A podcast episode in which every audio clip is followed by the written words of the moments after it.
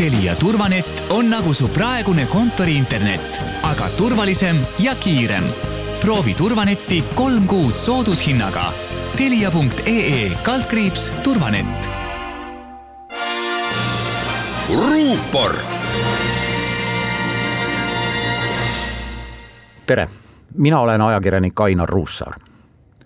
uskumatud uudised Eesti majandus kasvas aastataguse ajaga võrreldes selle aasta esimese kolme kuuga üle viie protsendi. kui aga vaadata selle numbri taha, siis võime näha päris korralikku kaost. esiteks tuleb arvestada aastatagust majanduslangust. teiseks on majandus taastunud väga ebaühtlaselt ja näiteks koroonapiirangutest pihta saanud hotellid, restoranid ning reisifirmad vajavad taastumiseks veel aega.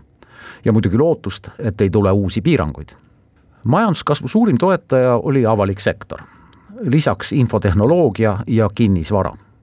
mis on ka igati loogiline, sest kaugtööd tehes panustasid inimesed just IT-sektorisse, paljud tööandjad hankisid näiteks uusi tarkvaraprogramme, nii mõnedki soetasid ära jäänud reisi arvelt endale uue nutitelefoni või vahetasid vana sülearvuti uuema vastu. kinnisvaraturul pole nii hästi läinud väga pikka aega ilmselt on nii mõnedki inimesed suutnud kriisi ajal säästa ja ilmselt avaldab majanduskasvule oma mõju ka pensionivarade vabaks laskmine.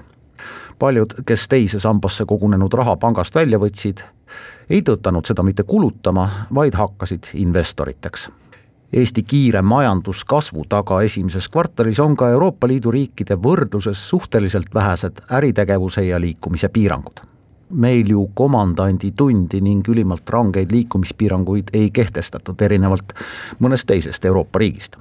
samas ei tähenda viieprotsendiline kasv veel alanud pidu meie majandusõuel. et selgemat pilti saada, tuleb ära oodata ka aprilli, mai ja juunikuu näitajad.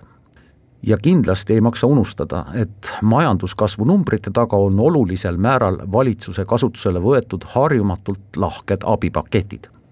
samas kaardimaksete käibed on languses, mis näitab siiski eratarbimise vähenemist.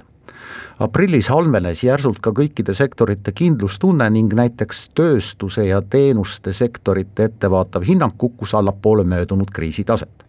mitte midagi rõõmustavat ei vaata meile vastu ka registreeritud töötuse statistikast töötukassas on praegu arvel viiskümmend kolm tuhat töötut ehk kakskümmend kolm tuhat inimest rohkem kui kriisile eelnenud ajal kaks aastat tagasi väheste erialaste oskustega inimeste jaoks on kriitilise tähtsusega just turism ehk välismaiste turistide saabumine, mida tuleb ilmselt oodata järgmise aastani.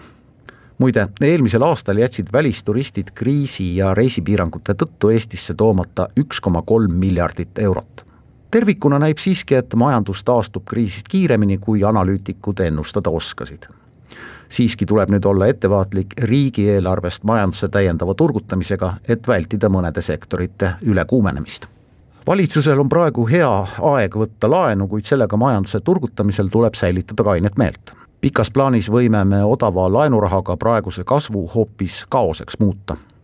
majanduse üleliia kiire ja ebastabiilne kasv toob kaasa ebaratsionaalseid investeeringuid, mis pikemas perspektiivis ennast tõenäoliselt ei õigusta ruupor